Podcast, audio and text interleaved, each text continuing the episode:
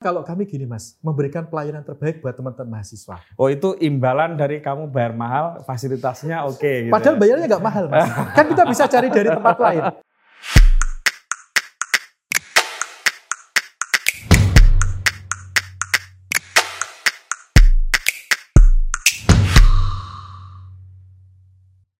Halo teman-teman, ketemu lagi dengan saya Putut Ya, Kepala Suku Mojo. Dan di siang ini kami soan ke salah satu universitas terbesar di Yogyakarta dan ternama, Universitas Muhammadiyah Yogyakarta.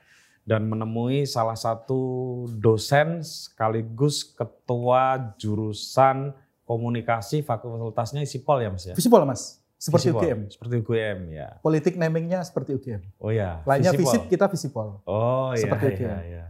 Jadi niru UGM. Nah, benchmarking mungkin. Oh. Mas Fajar Junaidi. Halo Mas. Halo Mas Putut, Aduh. terima kasih sudah datang ke sini. Saya malu ya kalau dibilang sowan itu. Kenapa Mas? Kayaknya kayak kayak sudah kayak saya kiai aja disowani. Di, di Muhammadiyah nggak ada ya tradisi. Tradisinya silaturahmi. betul, betul. Meskipun kami sering sowan ketika saya jadi kajur, yang saya lakukan pertama adalah sowan ke teman-teman eh, akademisi dan industri yang ada di Jogja maupun di kota-kota lain, gitu Mas. Oh, Oke. Mas Fajar Junaidi ini komplit. Paket komplit. Ya, saya, saya kira Universitas Muhammadiyah Yogyakarta beruntung lah punya dosen yang luar biasa kayak Mas Fajar ini. Ada yang sorry ya, ini manggilnya macam-macam. Ada yang Mas Fajar Jun, Mas Fajar, ada yang Mas Jun. Saya enaknya manggil apa nih? Mas Jun aja Mas Mas Putut. Jun ya. Karena nama Fajar itu kan seperti nama Agus, apalagi ya? Endan, Ali.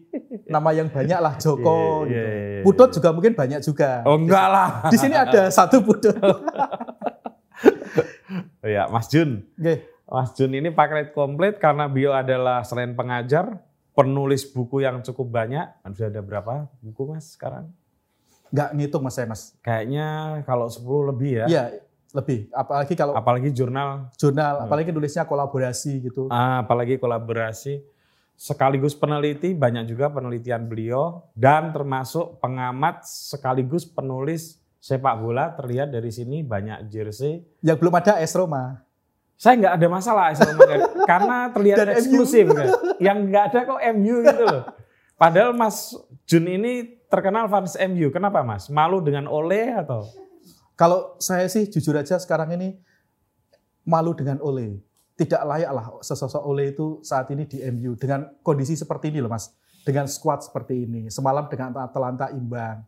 Apalagi kemarin dengan Liverpool. Kalau Yang pertama- semalam dengan Atalanta imbang itu menurut saya bukan Hmm. karena MU jelek. Memang Atalanta lagi bagus-bagus. Iya. Eh, kebetulan saya selain MU suka Inter Milan ya. Eh, nah, Nggak ada juga. dan nggak ada. Memang saya lebih suka tim-tim lokal. Tim-tim lokal, Yang oke. saya kumpulkan tim lokal. Ya. Dan ini jujur ya, jujur ya. Ini yang ngasih teman-teman mahasiswa sebagian. Oke. Oke.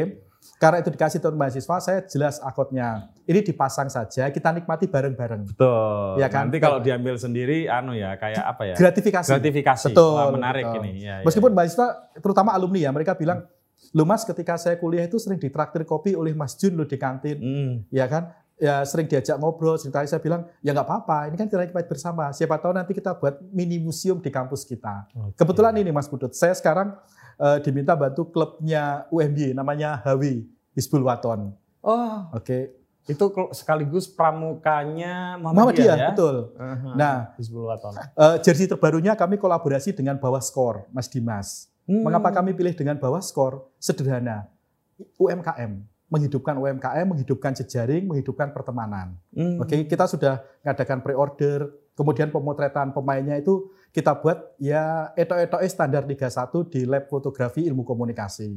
Oke. Dan kita punya lapangan. Dengan segala hormat ya, klub Liga 1 aja belum punya lapangan. Belum tentu punya lapangan. Hmm. Kami punya lapangan, kami punya rumah sakit. Tahu tahu Mas. Udah Ya jangan, kan? jangan diteruskan Ah. kesombongannya. Sebentar, saya cuma tanya. Lapangannya ini standar lapangan sepak bola. Kalau secara uh, ukuran, Dan Dan ada rumput- gini. UGM juga punya. betul, Tapi itu kan bukan standar lapangan sepak bola. betul, betul. Nah, kalau UMY At least dipakai untuk Liga 2 standar. Oke. Cuman eh, kami berencana mau eh, kemarin Pak Wakil Rektor sempat menyampaikan untuk membangun lapangan baru, mungkin di tempat lain yang Ah. lebih representatif. Gagasannya kami memang sedang membangun akademi sepak bola Mas di kampus. Oh ya. Ya, jadi mimpi kami adalah kami sedang menyiapkan buku, buku kurikulum, buku kurikulum untuk pembinaan sepak bola. Kita mulai dari HW, bukan HWFC ya, tapi PSHW UMY. Karena tahun ini ada tiga HW, Mas. Jangan salah nih, Hmm. Iya, jangan iya, salah. iya. ya Oke, kan? ya, Di- apa HW? ada HW di UMY, Hizbul Waton UMY, Hizbul Waton Ponorogo, Hizbul- sama-sama Liga 3.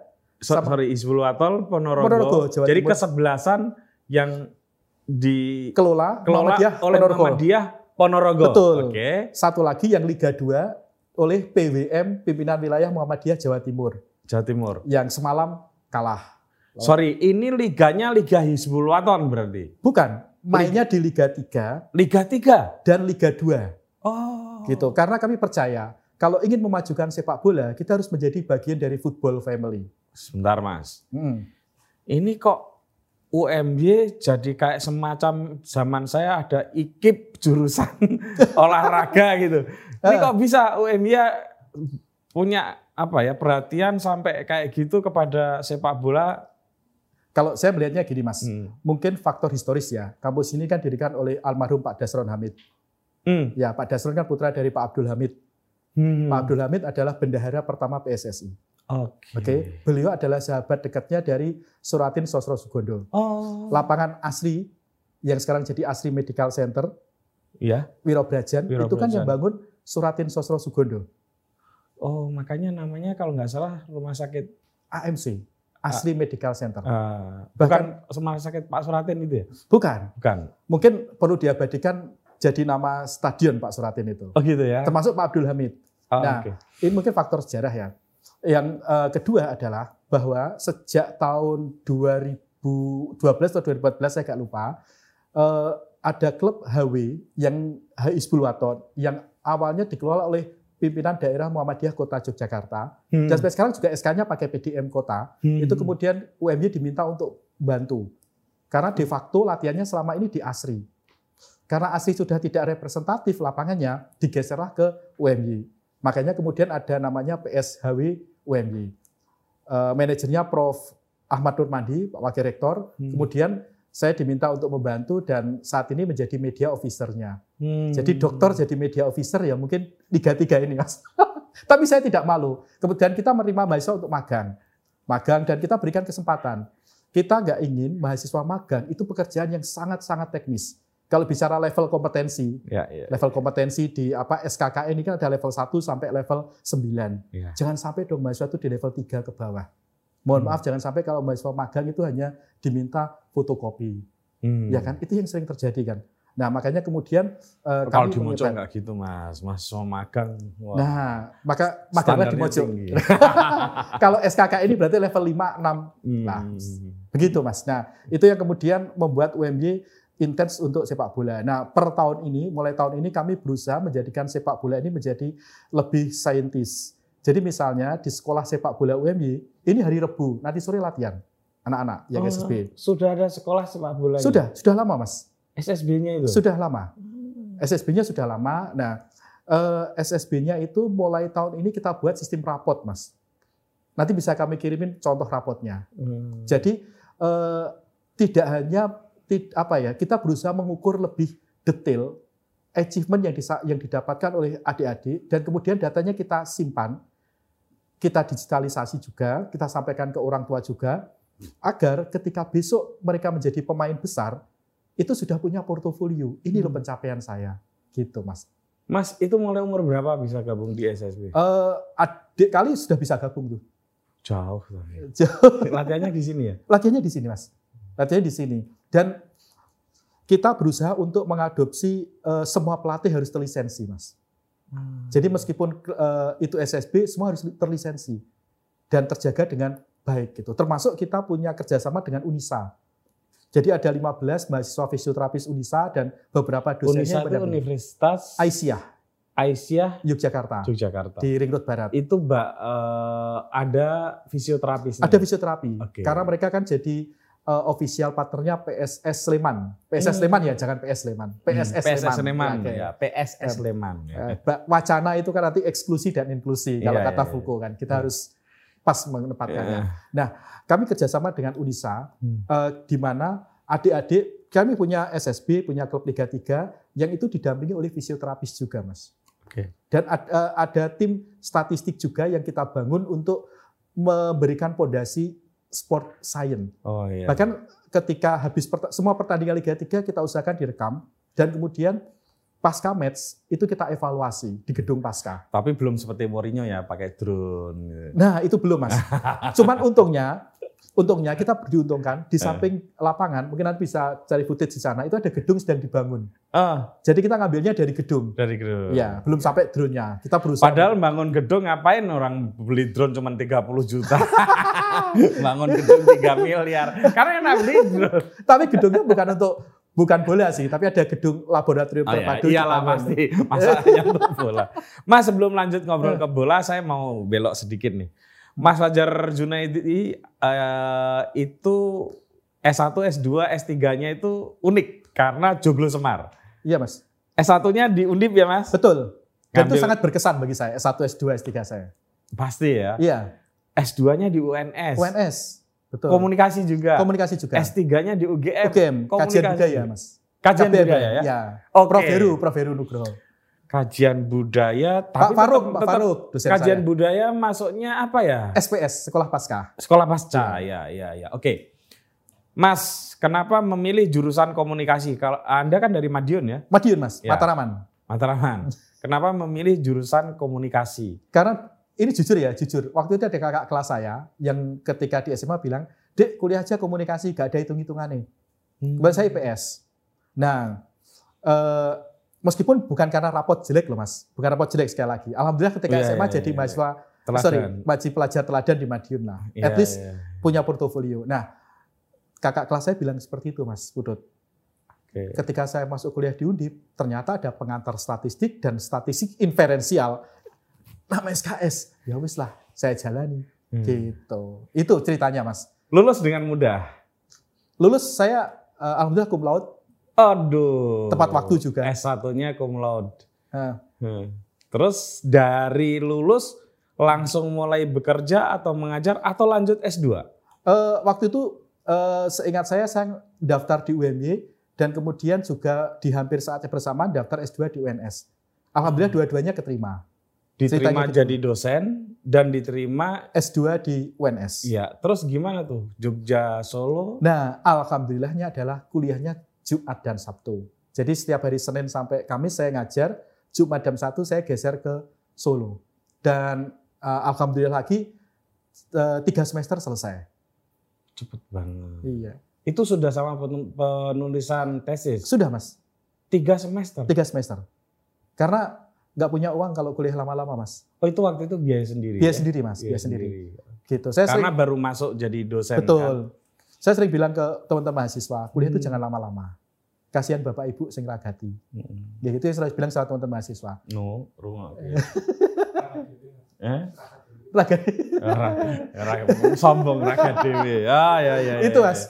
Karena ketika saya jadi eh, kaprodi, dia beri amanah kaprodi yang Hmm. kami lakukan pertama dengan sekretari saya Mas Irwan Sudiwijaya adalah eh, dan Mbak Muria Indah Sukawati di kelas internasional, kami mengundang wali orang tua mahasiswa untuk ketemu di Zoom, Mas. Oke, sebentar Mas.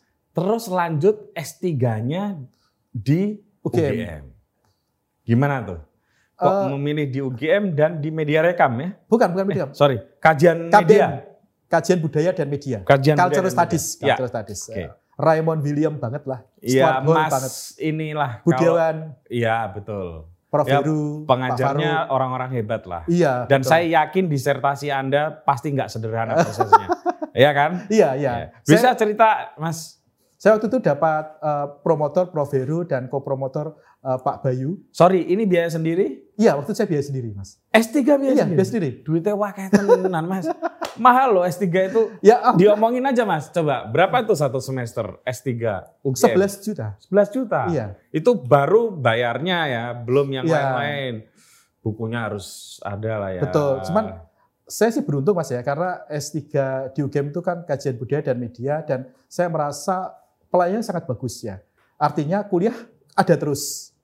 Sangat jarang kuliah kosong. Saya Dan selalu diampu oleh dosen-dosen dan diampu oleh dosennya. Ya, Prof Heru ngajar, Mbak Ratna Noviani ngajar, kemudian Pak Faruk ngajar. Ya. Kalau Pak Faruk tuh paling seneng kuliahnya di teras, beliau sambil rokok. Ya, ya. Dan dengar cerita beliau itu meskipun mohon maaf sambil nggak baca buku aja itu sudah di, di luar kepala. Betul. Dan kami selalu mencatat. setiap setiap omongannya itu mengandung teori-teori. Nah, ya. betul Mas. Iya.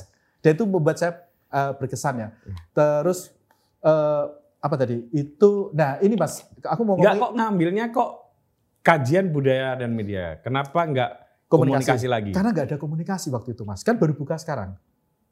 Oh S3-nya enggak ada ya Nggak komunikasi ada. game tuh. Ada adanya yang mepet lagi itu adalah komunikasi sosial pembangunan kalau nggak salah atau komunikasi pembangunan Oh, oke, yang sekolah oke. pasca juga. Oke, Cuman oke, oke. itu kan cenderung positivisme ya. Iya, iya, iya, Dan iya. saya saya itu sadar saya tidak menguasai positivisme dengan baik.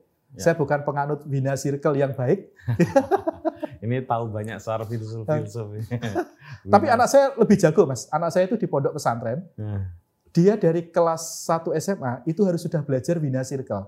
Hmm, Karena pondok pesantrennya berbasis sains. Oke. Gitu. Gitu, Mas. Ya. Kalah saya mana saya sekarang.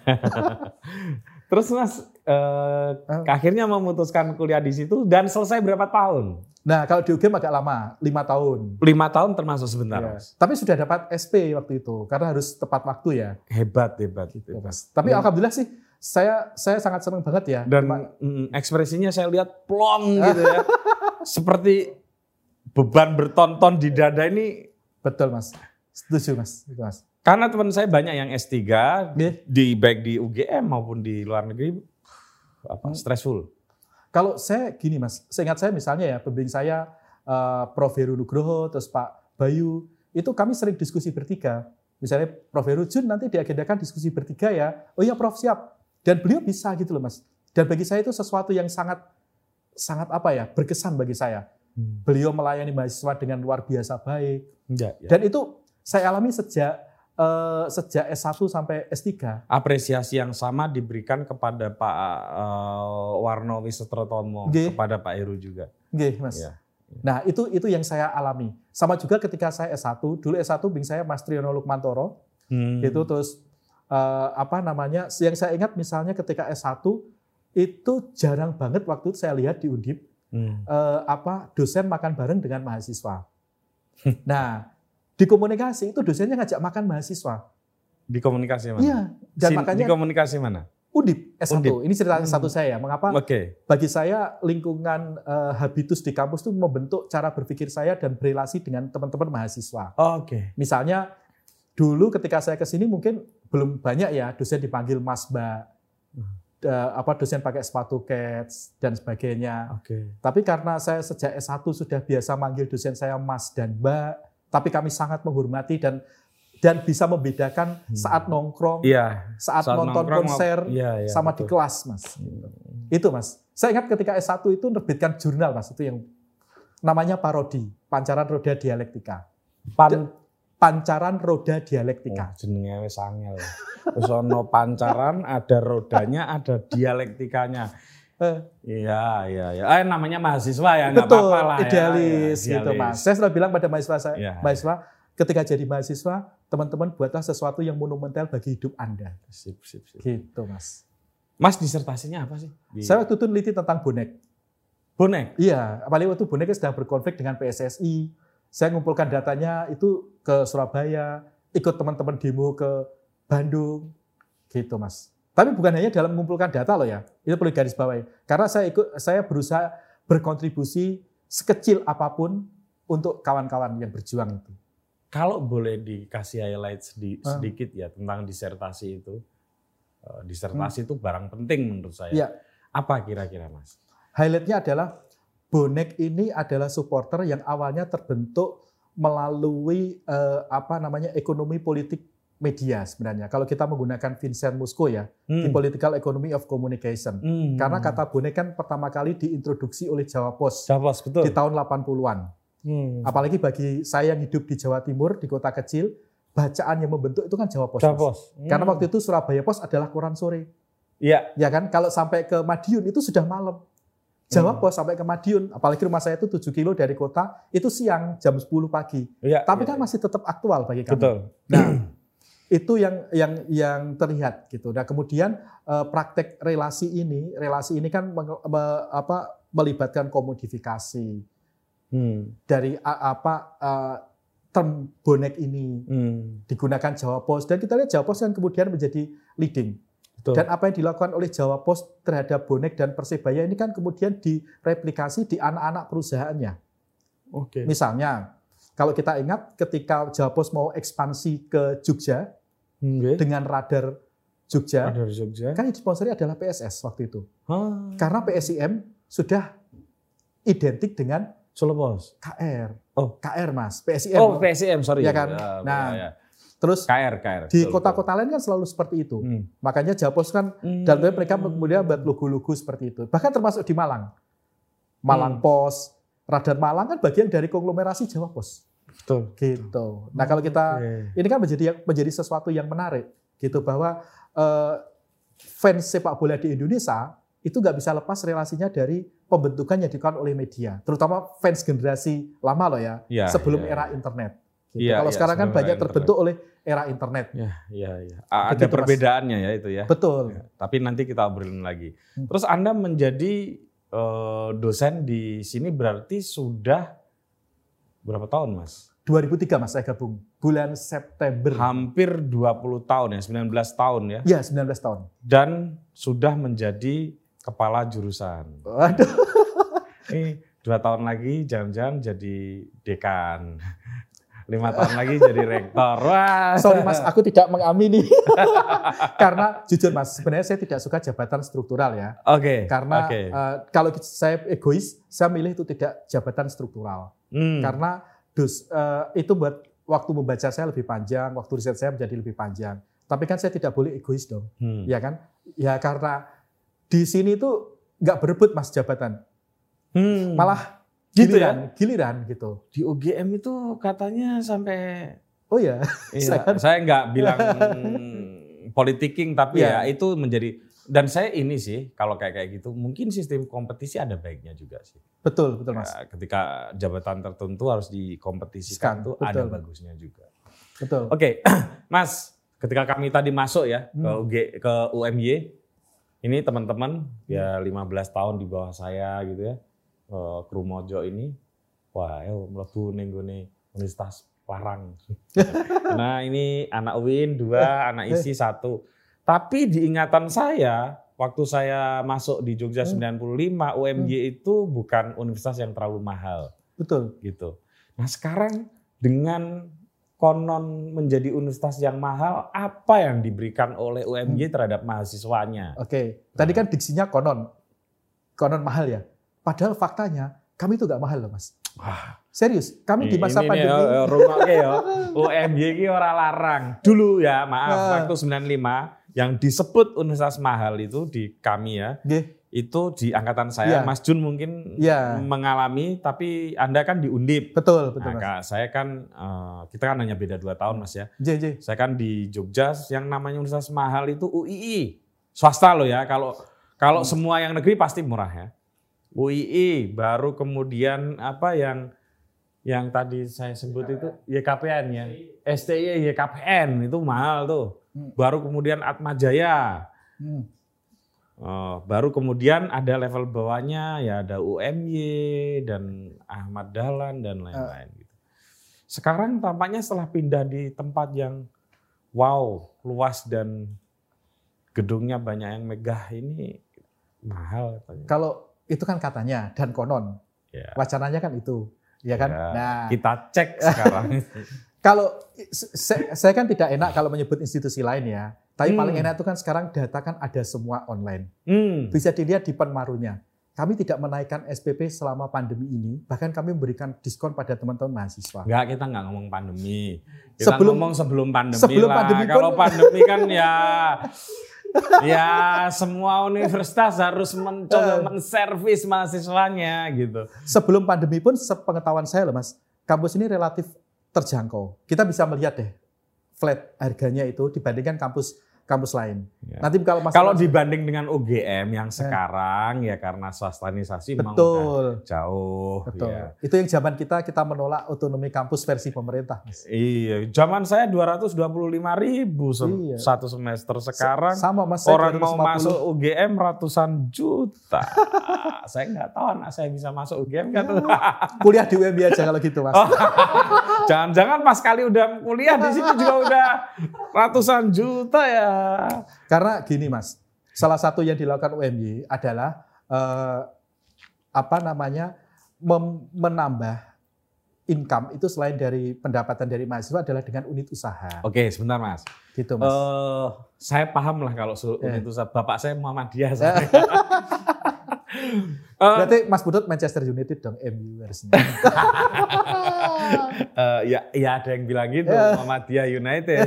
Tapi ya ada yang bilang Mahdatul Ulama. Plesetannya macam-macam. Enggak, tapi gini, Hmm.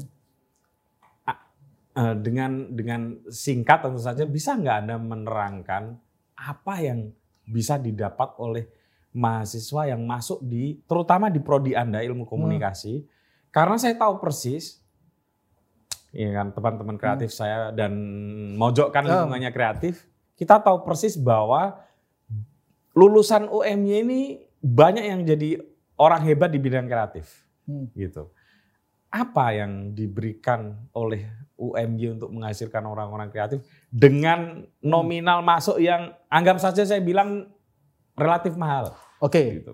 ada berapa Mas? Yang pertama kita kami berusaha menjadikan program studi ini menjadi ruang kreatif dan titik hub pertemuan dari banyak hal. Misalnya minggu kemarin kami kolaborasi dengan Kumparan, dengan IDN Times. Warung mojo orang. Nah, kita agendakan dengan Mojo. Aduh. Mojo Eh, nanti kita sediakan dipilih ya, kumparan, yang gede-gede. Mojo tinggal eksekusi kan sudah mau M- sudah MOU tuh. iya, iya, iya. Tinggal eksekusi. Ada dua videotron yang bisa dipakai oleh Mojo wes. Saya jamin aman. Tayang 24 jam, Oh, 7 hari, satu bulan aman. Mojo Iya, Gustu kan? kampus. Bercanda mas. Kita sering ini kok, mas, mas, mas Jun ini sering sering silaturahmi ke Mojo. Iya. Iya. Jadi eh, kita menjadi titik hub. Hmm. Titik hub itu, bentar mas, tak minum. Ya. Bukan hanya dengan industri, tapi juga dengan akademisi juga. Hmm. Misalnya minggu kemarin kita ngadakan inaugurasi, kita ngundang Mas Wisnu Prastio Utomo. Ya. Ya, gitu kita undang. Hmm. Gagasannya Mas Wisnu kita ajak berbagi Hmm. buat mahasiswa baru cerita tentang kapitalisme digital. Hmm. Itu untuk mahasiswa baru loh, Mas. Kita minta Mas Wisnu yang ngomong gitu. Nah, Hmm. terus nanti eh, ada beberapa pembicara lain. Artinya bukan hanya industri tapi juga kritikus. Eh, kebetulan beberapa teman aktif di apa komunitas pengkaji film juga. Hmm. Itu yang kami eh, yang kami lakukan ya. Hmm. Yang ke, eh, proses kreatif jelas ya, proses kreatif, mahasiswa bisa produksi dan sebagainya. Yang Iya. kedua, yang kedua, kami eh, apa namanya merancang kurikulum itu dengan me- mengundang masukan dari banyak pakar. Jadi Hmm. tidak dengan kacamata kuda kami. Oke. Oke. Yang kedua adalah kurikulum kami juga berba, yang aspek kurikulum ini Ya. berbasis pada peta okupasi komunikasi. Apa tuh mas? SKKNI, Standar Kualifikasi Kompetensi Nasional Indonesia, Ah, yang dibuat oleh? BNSP, Iya. Badan Nasional Sertifikasi Profesi, Hmm. yang di situ dijelaskan eh, apa namanya eh, peran dari masing-masing posisi pekerjaan. Kebetulan di sini kami punya LSP, Mas. Ini aspek ketiga, Ah. Lembaga Sertifikasi Profesi. Sebelum Mas Putut dan teman-teman rawuh tadi, saya pra assessment di LSP. Jadi Oh. mahasiswa komunikasi UMB dan prodi lain itu sebelum lulus mendapat fasilitas ujian kompetensi di LSP, Lembaga Sertifikasi Profesi, Hmm. yang di mana kalau mereka lulus dinyatakan kompeten, mereka dapat sertifikat kompetensi dari BNSP, Badan Hmm. Nasional Sertifikasi Profesi. Sebagai apa? Kalau di komunikasi ada tiga, Hmm. skemanya satu produser, dua adalah strategic planner, yang ketiga adalah public affair analyst. Kan kalau menurut regulasi, namanya keren-keren ya? iya bisa. Oh enggak misalnya sertifikasi wartawan gitu ya? Oh kalau wartawan kan dengan eh, PWI Dewan Pers. Ya kan bisa kerjasama. Eh, kebetulan kami kurikulumnya itu bukan eh, jurnalis murni, Oh, tetapi oke. broadcasting. Dan iya. kita Paham, menyesuaikan. paham, paham, paham. Jadi itu be fair pada teman-teman iya, mahasiswa. iya, iya, iya. Nah, mengapa kami mendirikan LSP? Karena kami warga negara yang baik. Itu aturan pemerintah loh. Dan yang kedua, kami melayani mahasiswa. SK SKPI, Surat Keterangan Pendamping Ijazah, yang salah satu yang sangat bagus itu kan sertifikat kompetensi. Artinya perusahaan yang nanti menerima lulusan dari eh, mahasiswa alumni pro- prodi komunikasi Nggih. itu sudah bisa ngasih kerjaan yang Di level itu, Mas. di level itu. Betul. Yakin itu, Mas. Betul, yakin. Karena kalau mereka dinyatakan tidak lulus ya ti- tidak kita luluskan. Karena ketika nguji misalnya, saya selalu bilang ke mahasiswa, kalau saya ngajar saya bisa bantu teman-teman.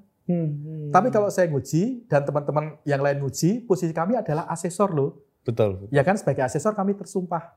Gitu. Itu Oke. dan kami mendirikan LSP itu di tengah pandemi, Mas. Syukurnya bisa berdiri. Itu dengan segala perjuangan. Ya. Gagasannya sederhana, memberikan yang terbaik buat teman-teman mahasiswa. Jadi lulus itu tidak hanya menghasilkan ijazah saja, Hmm. kita juga melahirkan sertifikat kompetensi.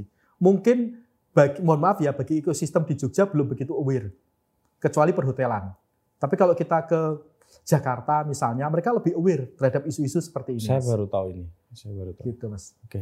Terus saya lihat tadi infrastrukturnya studio-studio. Eh. Wah, ini ada satu ruangan di samping ini Hmm. isinya desktop iMac semua. Itu apa sih maksudnya Mas untuk gaya atau apa? Larang loh itu. Karena kalau kami gini mas, memberikan pelayanan terbaik buat teman-teman mahasiswa. Oh, itu imbalan dari kamu bayar mahal, fasilitasnya oke gitu. Padahal bayarnya nggak mahal mas. Kan kita bisa cari dari tempat lain. Misalnya nih, misalnya ya, misalnya ya, kita tahun 2006, eh 2007, kebetulan saya waktu itu eh, ketuanya. Kami dapat program hibah kompetisi. Waktu itu kementerian di bawah siapa ya? Hmm. Eh, program hibah kompetisi dari Kemendikbud dapat Hmm. dana satu setengah m.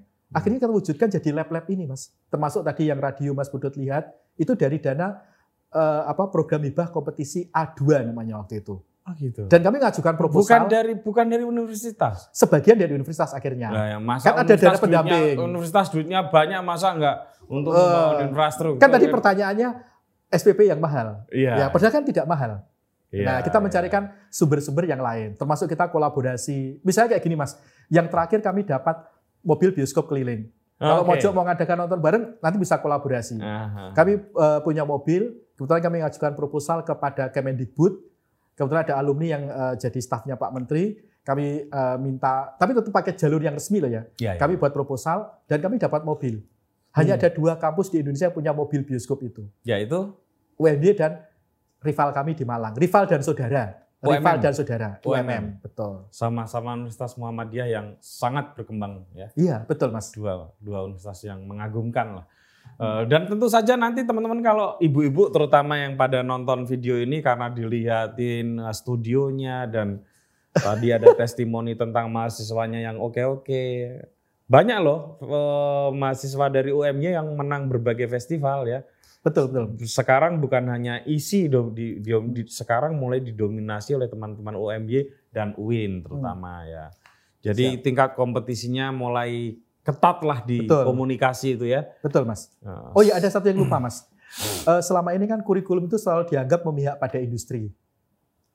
Oh ya? Oke. Nah, Saya nggak tahu. oke. Saya bukan dosen. Nah, kami berusaha memberikan insight, Mbak, bahwa wilayah akademik nggak bisa dihilangkan. Maka kami selalu punya prinsip iklim akademis itu harus dibangun. Nah, misalnya, misalnya kami menyediakan fasilitas, itu salah satunya jurnal, Mas. Hmm. Jurnal itu biasanya nuliskan dosen. Ya. Oke. ya. Mas Putut, Mas Atau Ali, asisten dosen. Atau asisten ya. dosen. Iya, iya. teman-teman, kalau kita ngumpulkan paper, kan acap kali terbuang di tempat sampah.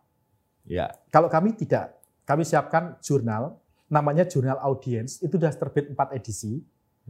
Kami sedang mengajukan akreditasi Ah, di Sinta, target eh, targetasi eh, berbasis Sinta, targetnya akreditasi Sinta 3 atau 4, itu isinya tulisan mahasiswa dengan didampingi dosen. hmm. Jadi mahasiswa ketika kuliah, artikelnya itu tidak buang di tempat sampah, Hmm. tapi menjadi artikel jurnal, Oke. terbit di jurnal. Oke. Oke. Nah, ketika terbit di jurnal nanti dapat dari lembaga pengembangan kemahasiswaan dan alumni Hmm, hmm. reward karena bisa publikasi di jurnal. Jadi memberikan apresiasi pada mereka. Terus yang lain eh, apa namanya eh, mengajak mahasiswa untuk berkarya. Salah satunya buat buku.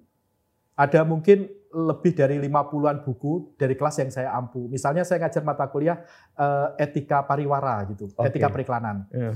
Saya minta mahasiswa katakanlah sekelas itu 30. Hmm. Coba buat artikel pendek 4 halaman lihat iklan-iklan yang ada di sekitar teman-teman. Mana yang melanggar etika pariwara Indonesia, kalau di penyiaran itu ya pedoman perilaku penyiaran standar program siaran, Hmm. refleksikan jadi artikel Hmm. pendek, lengkapi daftar pustaka, Hmm. nanti kita olah terbitkan jadi buku. Hmm. Jadi ketika teman-teman lulus itu Ada kenangan. ada kenangan. Dan saya bilang pada mahasiswa, jangan lupa nanti buat biodata di akhir. Dan jangan lupa sebut nama bapak ibu. Hmm. Misalnya Putut EA, mahasiswa ilmu komunikasi UMY angkatan bla bla bla bla, Hmm. putra dari bapak titik-titik dan ibu titik-titik. Oke. Biar bapak ibu teman-teman senang. Oke. Gitu Waduh. mas. Itu kan sense of public relation. Ben adike karo tanggane melu. Lu, enggak, saya bilang ke mahasiswa, biar uang saku semester depannya nambah. Nambah. Eh, Mas, apa sih tantangan? Anda kan cukup lama ya jadi dosen ya, hampir 20 tahun. Tentu ada perbedaan setidaknya dua generasi ya. Nggih. Generasi eh, pasca tahun-tahun 2010 gitu Nggih. ya. Ketika internet sudah ada di genggaman semua orang dan eh, sebelumnya. Gimana tuh Mas? Kalau menurut saya, mungkin mas saya kan di bawahnya Putut sedikit ya. Kalau generasi pra internet semasif ini, Hmm. itu saya kira lebih punya struggle mas.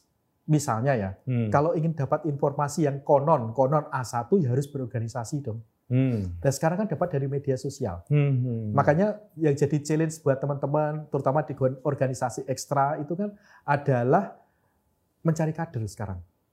Karena generasi sekarang itu kan terina bubukkan dengan gawe. Itu Hmm. challenges-nya mas. Hmm. Ya termasuk eh, apa namanya eh, persoalan etika dan attitude ya. Itu yang selalu saya beda bilang. ya mas. Beda misalnya. saya bilang ke mahasiswa, eh, kalau hal resmi itu biasakan via email. Jangan melalui via WA. Sorry saya potong di Mojo itu ada beberapa tulisan tuh tentang dosen yang mengeluh soal mahasiswanya. Maaf dok, saya besok nggak Hmm. bisa jadi ketemuan jam 8, bisa nggak jam 4? Hebat. Kita mana berani dulu Nah, gitu. betul Mas. Saya sampai ketika S2 dan S3 nggak pernah berani seperti itu. Hmm. Ke bahkan eh, saya ketika menjaga skripsi, tesis, disertasi saya selalu punya prinsip saya harus datang satu jam sebelum jam janjian. Saya saja saat tadi gitu. Iya. Kita prinsipnya gitu. Cuman tadi muter-muter saking gedenya UMY. Bingung. Tanya sampai berapa kali kita? Tiga ya? Tiga Nah. kali itu. Oh, saya aja kadang kalau ngajar di kedokteran, kuliah pertama kalau offline itu Mas, tanya Mas saya. Eh, sorry, kok bisa ngajar di kedokteran? Ada mata kuliah komunikasi kesehatan. semacam komunikasi ada kesehatan. bukunya kan? Ada, ada, nulis bukunya buku, kan? buku. Iya. Nah, Apa kalau- sih Mas kalau itu? Kalau gini, kelas yang saya ampu di kedokteran itu kan gagasannya adalah mempromosikan isu kesehatan kepada masyarakat dalam format audiovisual. Nah, yang kami lakukan itu tim, tim, Tim. Sekali lagi Oh, blok oke, ya. oke. Saya hanya bagian kecil dari tim itu. Oke, oke, oke. Nah, teman-teman mahasiswa kedokteran kita bagi kelompok kecil nih. Hmm. Kemudian mereka turun ke lapangan FGD Hmm. untuk riset dengan puskesmas dan lingkungan yang terdekat tentang isu kesehatan yang ada. Hmm. Dari situ dibuat naskahnya. Hmm. Naskahnya kemudian produksi. Kami tim dosen ACC kemudian produksi. Hmm. Nah, produksinya itu harus melibatkan masyarakat. Hmm. Jadi dari FGD dan produksi kan sudah ada penyampaian isunya, Mas. Oke. paham. Nah, yang terakhir adalah yang terakhir adalah eh, screening. Hmm. Nah, screeningnya juga harus melibatkan masyarakat. Jadi promosi itu akan berlangsung tiga tahap. FGD, eh, apa produksi dan screening. Gitu. Jadi ngomong-ngomong Anda ini selain banyak aktivitas, duitnya kayaknya banyak juga ya. nggak banyak, Mas. Wah. Ini tadi Nggak testimoni dari teman-teman diajar di UIN. Oh, bayangkan orang Muhammadiyah bisa ngajar di UIN. Terima kasih teman-teman UIN yang mengundang saya. Berapa tahun ngajar di UIN? Saya waktu itu 2000 berapa Mas Ali ya? 2011 Hmm. sampai 2015-an mungkin karena saya sudah Ulama, Prodit S3. ya. Lama. lama. tapi saya pernah ngajar juga di Atma Selain Jaya. apa? Atma Jaya pernah. Atma Jaya komunikasi. Komunikasi pernah dengan Pak Lukas. Atma Jaya gitu. komunikasi juga keren loh. Iya. Sampai mengundang Mas Jun tuh. Banyak teman sering sering apa ngemi bareng Mas kalau ke Atma Jaya. Iya, iya, iya. Di S1 kemudian S2 kadang diminta untuk ngisi beberapa sesi. Di Salatiga pernah juga di Kristen Satya Wacana. Oh ya? Iya Mas. Tahun berapa ya? Berapa tahun? Eh, sekitar 4 sampai 5 tahun. Uh. Ngebis saya Mas Hebat. kalau ke sana. Karena udah nggak cukup tenaga. Biasanya habis sholat subuh gitu ke Hebat, mas saya hebat, dekat hebat. Giwangan kan, di Hmm. Solo. Gitu mas. Di dekatnya Mojo, UI juga pernah. Oh ya? Iya. Universitas mentereng semua ini. Ini setiap jam ngajarnya mahal. Tapi itu. sekarang udah enggak mas. Sekarang, sekarang udah enggak ya? Waktunya. Ke Kajur begitu jadi kepala Betul. jurusan udah enggak ya? Terus di UMS ngajar. Karena saya dulu mendirikan komunikasi di UMS tahun 2006. Kemudian di Unisa, Aisyah. Sebentar, Anda ikut mendirikan jurusan Komunikasi, di di, UMS. UMS? Iya mas. Oh, iya. Muhammadiyah Solo saya ikut mendirikan. Wah, Draftnya saya menyiapin tahun 2006 itu. hebat sekali. Gitu. Wirawiri Solo Jogja. Makanya jadi dekat dengan supporter Solo maupun supporter Jogja. Gitu. Karena Kalau sekarang udah enggak, Mas? sekarang masih masih ada kelas, tinggal dua kelas saja. Tinggal di UMS sekarang ya? Eh, di, eh, sekarang sih selain di UMY di UAD sama UMS. Kalau UAD dekat rumah Ya, bisa ya, gowes. Ya tetap pakai, Mas. Terus mana lagi ya? Mercu juga pernah dulu mas. Oh iya, iya. Mercu. kalau mercu oke lah. Itu Iya. tadi UKSW, oh, Atmajaya itu kan komunikasinya termasuk kelas yang bagus Iya. juga kan. Terus eh, apa UII, UI. ya. Karena ini mas, saya tuh eh, sebenarnya bukan persoalan uang sih jujur aja ya. enggak enggak bukan soal itu. Artinya Ya, ke apa ya kapasitas Anda diakui sehingga eh, jurusan-jurusan tersebut itu kan dari universitas-universitas Eh. ternama kan. dan Kan saya nggak tidak pernah apply mungkin loh mas. sembarangan mengundang dosen kalau nggak dianggap punya kualifikasi yang baik kan. Saya nggak pernah apply semua via dulu SMS, kemudian via WA Hebat. atau kadang via telepon. Kalau saya sih sebenarnya ini Mas Budot, serawung, dolan. Kebetulan selain ngajar kan saya di Aspikom, Asosiasi Pendidikan Tinggi Ilmu Komunikasi, Hmm. mendampingi Mas Muhammad Zulhan, ketum dari UGM. Hmm. Eh, kami punya 360 anggota, itu berbasis institusi. Bukan individu ya, institusi, prodi. Gitu Mas. Iya. Mas Jun, eh, Anda penulis yang juga sangat produktif. Itu gimana ceritanya? Eh, hampir Kan semua- banyak dosen Oke. ya, tidak semua dosen saya kira, tidak semua dosen saya gini kalau menurut Eh. saya, semua dosen pasti penulis, oke. Tapi tidak semua dosen itu produktif menulis. Oke. Mungkin ada dalam seluruh apa ya 30 Nah. atau 35 tahun jadi dosen Eh. itu mungkin hanya menghasilkan dua buku atau tiga Nggih. buku. Tapi ini Mas Jun baru kurang dari 20 tahun jadi dosen Hmm. sudah menghasilkan lebih dari 20 buku walaupun ada yang bareng-bareng gitu ya. Oke. Kalau Gimana tuh? saya eh, terinspirasi yang waktu ulang tahun Mojo, seingat saya Jalan Damai Hmm. waktu itu kan Hmm. eh, bahwa nulis di Mojo itu bisa atau bacanya ya Hmm. sambil nunggu anak pulang sekolah. Betul. Oke, nah itu saya ingat banget. Nah tulisan-tulisan saya di fandom misalnya Hmm. itu hampir hampir semua mungkin hanya dua atau tiga Hmm. itu yang saya tulisnya dengan laptop. Fandom itu nama sebuah situs web khusus sepak bola. Sepak bola. Oke. Lord Hasbi dan kawan-kawan. Ya. nah, saya nulisnya itu pakai HP, Mas. Oke, oke. Jadi saya di HP sambil naik kereta Pramek atau naik bis. Kalau Hmm. ke UMS, kan kalau naik bis satu setengah jam gitu Ya. lumayan. Jadi satu artikel, Mas. Gitu ceritanya, Mas. Hmm. Atau misalnya kalau di kampus itu di selang ajar. Hmm. Misalnya kadang pernah pernah ini saya ingat banget tuh waktu itu diminta oleh Mas Tatang kalau nggak salah untuk nulis di Jawa Pos halaman pertama. Iya, Jawa Pos loh yang minta. Thank you, thank you, Jawa Pos.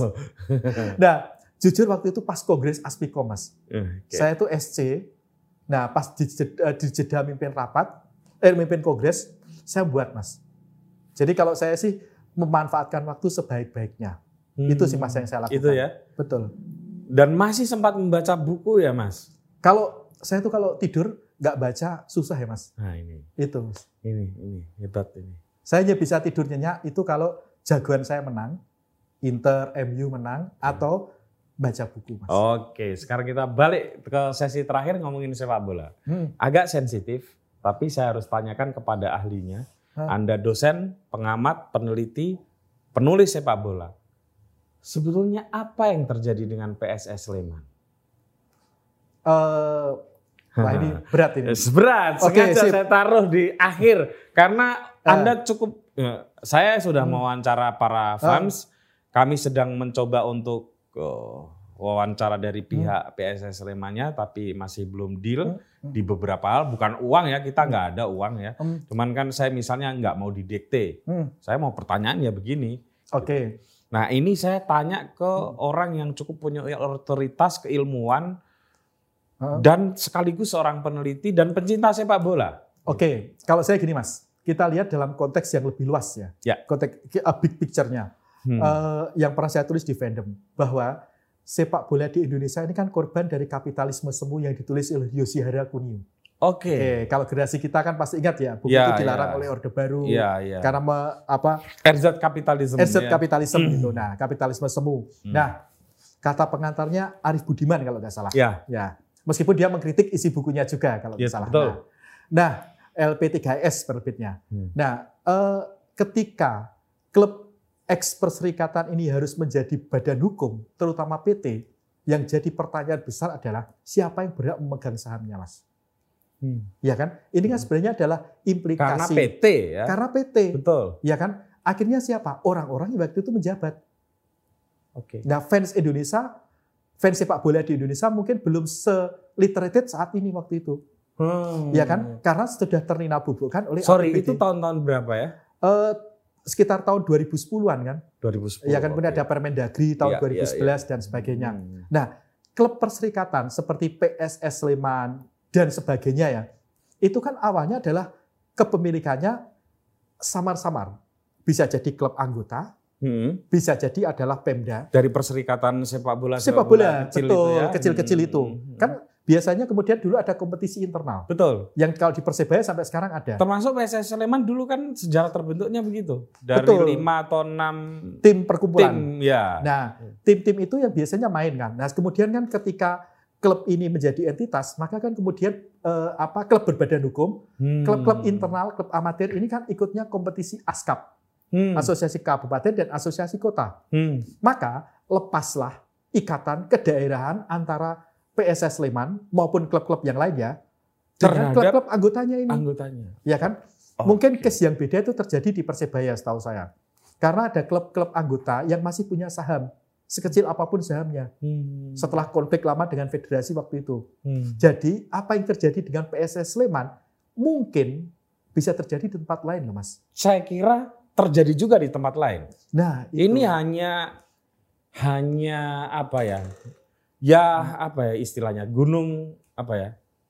Eh, Puncak dari gunung es. gunung, puncak gunung es. Ya. betul. Nah artinya apa? Apa yang terjadi dengan PSS Sleman? Ini kan implikasi dari perubahan ini mas. Ya kan, makanya kan sepak bola Indonesia itu misalnya kalau kita bicara pembinaan kan kemudian menjadi dua jalur. Hmm. Klub bis, Ya. pembinaan berbasis klub, Klub. maksudnya ada EPA, Elite Pro Academy, Hmm. dan eh, regional bis, misalnya berbasis pada Asprof, Askot, dan Askap, Hmm. ya kan mas? Nah, Hmm. ini yang sebenarnya menjadi yang harus harus di apa ya disadari oleh teman-teman fans saat ini bahwa sewaktu-waktu siapa yang memiliki saham mereka yang berkuasa secara de jure loh, Bukan hanya PSS Sleman loh. bukan ya. hanya PSS Iya, Sleman. betul, ini betul. jadi ini ya kapitalisme sistem yang terjadi. Beda kan misalnya dengan AS Roma, oh, jelas beda. kan? Ya, ya. ya kan dengan MU meskipun kepemilikannya MU. saham berubah, Real Madrid. Real Madrid betul. dan sebagainya. Uh-huh. Yang aman kan di Indonesia klub anggota. Eh sorry, maaf maaf, klub pendiri PSSI. Karena Oh, mereka kan tidak boleh berpindah kota. Misalnya klub kota saya PSM Madiun, Oke. meskipun nggak berkompetisi kan nggak boleh pindah, nggak boleh ganti logo. Oh gitu ya. Ada rek, ada rule yang mengatur seperti itu. Hmm. Nah, tapi non klub pendiri ini yang menjadi rentan. Oke. Makanya kemudian kan dengan mudah lisensi itu diperjualbelikan di Indonesia, nama klub menjadi berubah iya. dan seterusnya. Sorry dulu yang di Bali itu ambilnya kan dari Kalimantan kalau nggak Betul, salah ya. betul. Iya iya. iya. Kalimantan juga ngambil dari tempat lain Iya iya. gitu. iya. Nah, ya Apa implikasi itu terhadap perkembangan sepak bola di Indonesia, Mas? perkembangannya adalah pembinaan sepak bola secara instan. Misalnya, misalnya ada orang kalau pengen segera punya klub di Liga 2, alih-alih dia bermain di Liga 3, dia akan lebih memilih untuk membeli lisensi. Betul. Kemudian namanya diganti. Ah, Liga 1 juga demikian. Oke. gitu. Jadi eh, mungkin ke depan lebih baik klub-klub itu segera apa menjual sahamnya ke publik. Jadi sense Itu of belonging itu be- solusi dari Anda begitu ya? salah satunya itu. Salah satunya. Ada Salah- ada ada alternatif solusi lain nggak? Kalau menurut saya sih alternatif solusi lain adalah sebenarnya ini kan masalah rumongso handar beni. Betul. Melu hanggru kepi, mulat sariro hanggro sowani. Hmm. Kalau kata Sabar Nyawa ya. Iya. Jadi harus berani introspeksi gitu. Hmm. Misalnya case di Sleman ini manajemennya kan sudah sangat berjarak dengan fans. Fans. Ya. Padahal fans itu kan modal sosial Iya. yang terbesar dipilih klub saat ini. Persis. Apalagi seperti di Sleman misalnya. Mas. persis, persis. Ya kan Mas? Nah, itu yang seharusnya dilakukan oleh klub. Kalau kita melihat dari kacamata manajemen krisis, terutama dalam konteks public relation, yang dilakukan oleh manajemen PSS Sleman, ini kan sungguh di luar logika lah, di luar keilmuan. Se- sebagai sebagai orang pakar komunikasi Anda bisa mengatakan ini nggak masuk akal nih cara ya, menurut komunikasinya. saya sih, cara berkomunikasi sudah sangat tidak masuk akal, Mas. Iya, iya. Ya kan? Artinya apa? Artinya apa? Mereka itu berada di Jogja loh. Kultur Jogja itu nggak bisa loh di di apa dihadapi dengan cara seperti itu. Iya. Ya tadi Mas ma- apa rumong sadar Beni melu hanggru kepi itu nya justru nggak ada oleh manajemennya saat ini. Hmm. Gitu Mas. Dan sekali lagi itu bisa terjadi di tempat-tempat lain. Gitu. Dan saya sangat takut kalau itu akan menjadi bola panas kemudian sepak bola kita justru yang ramai adalah konflik internalnya bukan prestasinya. Nah, itu juga. Terakhir, Mas.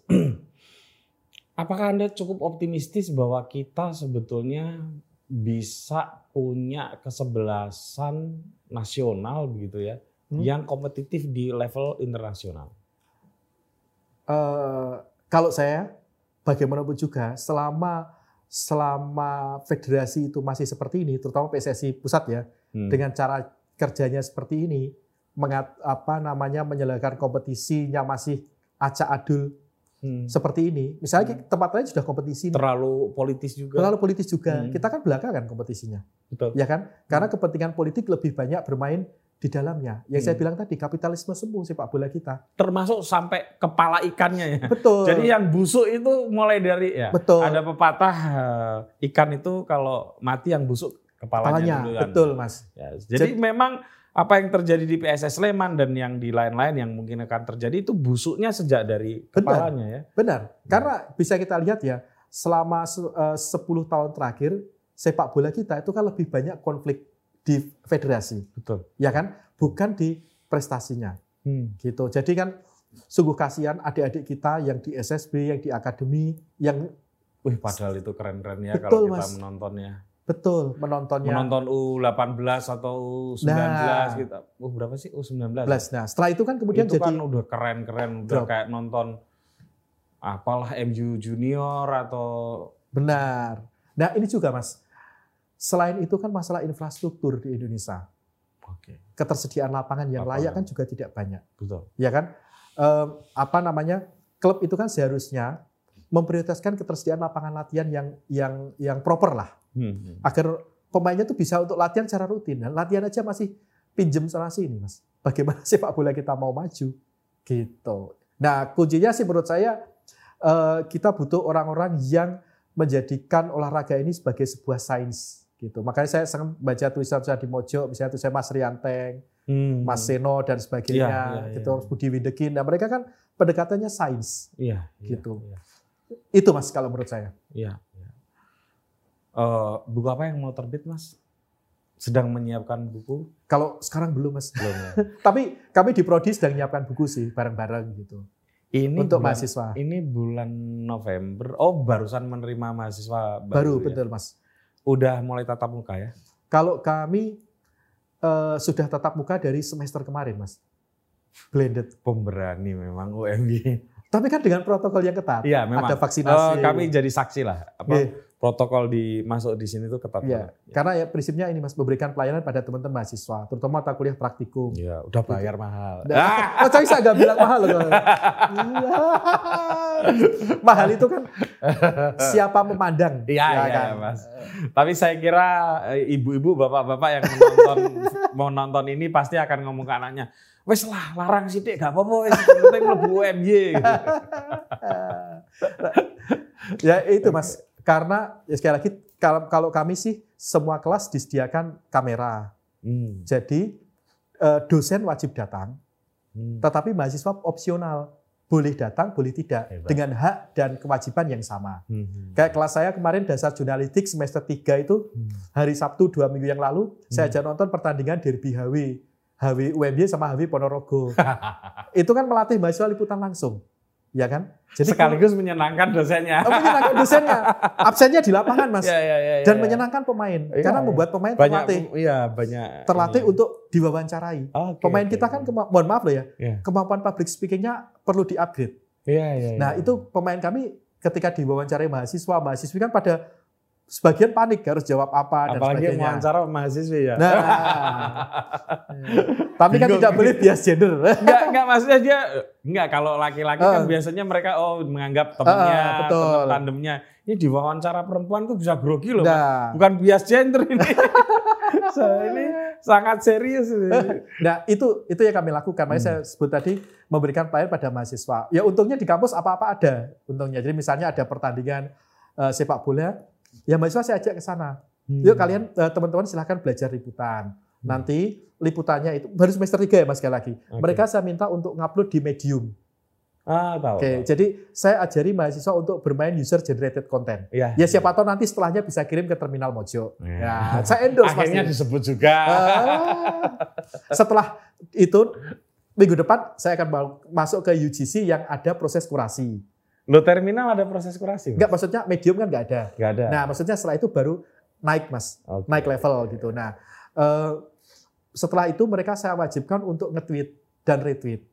Itu wujud dari soft skill. Nilai mahasiswa itu kan ada dua, hard skill dan soft skill. Hmm. Nilai soft skill itu kan kolaborasi salah satunya. Hmm. Nah, indikatornya di era pandemi ini kan kolaborasi digital. Hmm. Jika teman-teman bisa mendapatkan retweet dan like sebanyak eh, apa lebih dari separuh mahasiswa kelas teman-teman, teman-teman dia soft skill-nya A. Logikanya sederhana. Kalau Anda tidak mendapatkan retweet dan like, berarti Anda tidak pernah bergaul sama teman. Pintermu Hmm. bopek dewi. atau eh, tidak bisa diterima, tidak berterima. Betul, betul Mas. Itu sih gagasannya. Hmm. Nah, setelah itu mereka baru eh, report di sistem pembelajaran online kami, namanya My Class. Nah, jadi saya Hmm. menilainya itu berdasarkan hard skill, karya yang dibuat, soft skill. Nah, ketika mereka memproduksi, saya dampingi. Bagi saya ketika mahasiswa produksi, sebaiknya selama dosen bisa dampingi, dampingi. Sebelum pandemi yang saya dampingi itu produksi di TPST Piyungan, Mas. Oh, Dari pagi, dari jam 9 sampai azan maghrib. Ada tiga kelompok, mereka take gambar di Piyungan. Mengapa saya harus di sana? Saya, saya harus menjaga dong kalau ada apa-apa dengan mahasiswa saya. Ini amanah dari orang tua mahasiswa loh. Oke. Gitu. Oke mas, ini kalau saya lanjutkan terus nggak selesai-selesai, saya Sampai subuh harus- sholat duhur dulu. Teman-teman, itu obrolan saya dengan tokoh yang sangat menarik, masih muda, sudah jadi kajur salah satu jurusan yang sangat favorit di Universitas Muhammadiyah Jogja. Dan kalau Anda menonton ini, tentu saja kalau ada keponakan, kalau anak sih ya mungkin Anda belum ya rata-rata ini yang punya keponakan, tetangga yang bingung pengen kuliah di mana, ini jadi salah satu alternatif yang menyenangkan dan semoga kajurnya masih eh, Mas Jun gitu. Karena orangnya asik dan saya kira ini ya Mas, kuliah itu menurut saya bukan hanya sekedar infrastruktur dan kurikulum, Betul. tetapi kenyamanan. Setuju, Mas. Kenyamanan berkuliah itu juga penting. Hmm. Dan saya masuk beberapa ruang tadi rasanya sangat at home. Jadi kalau udah mahasiswa kerasan, kreativitas bisa terjadi dan interaksi antar mahasiswa maupun dosen bisa lebih hangat, itu yang akan memproses mahasiswa jadi lebih berkualitas. Siap. Matur nuwun rawuhnya Mas. Makasih. Mas. Sampai ketemu dengan teman eh, tamu-tamu saya selanjutnya.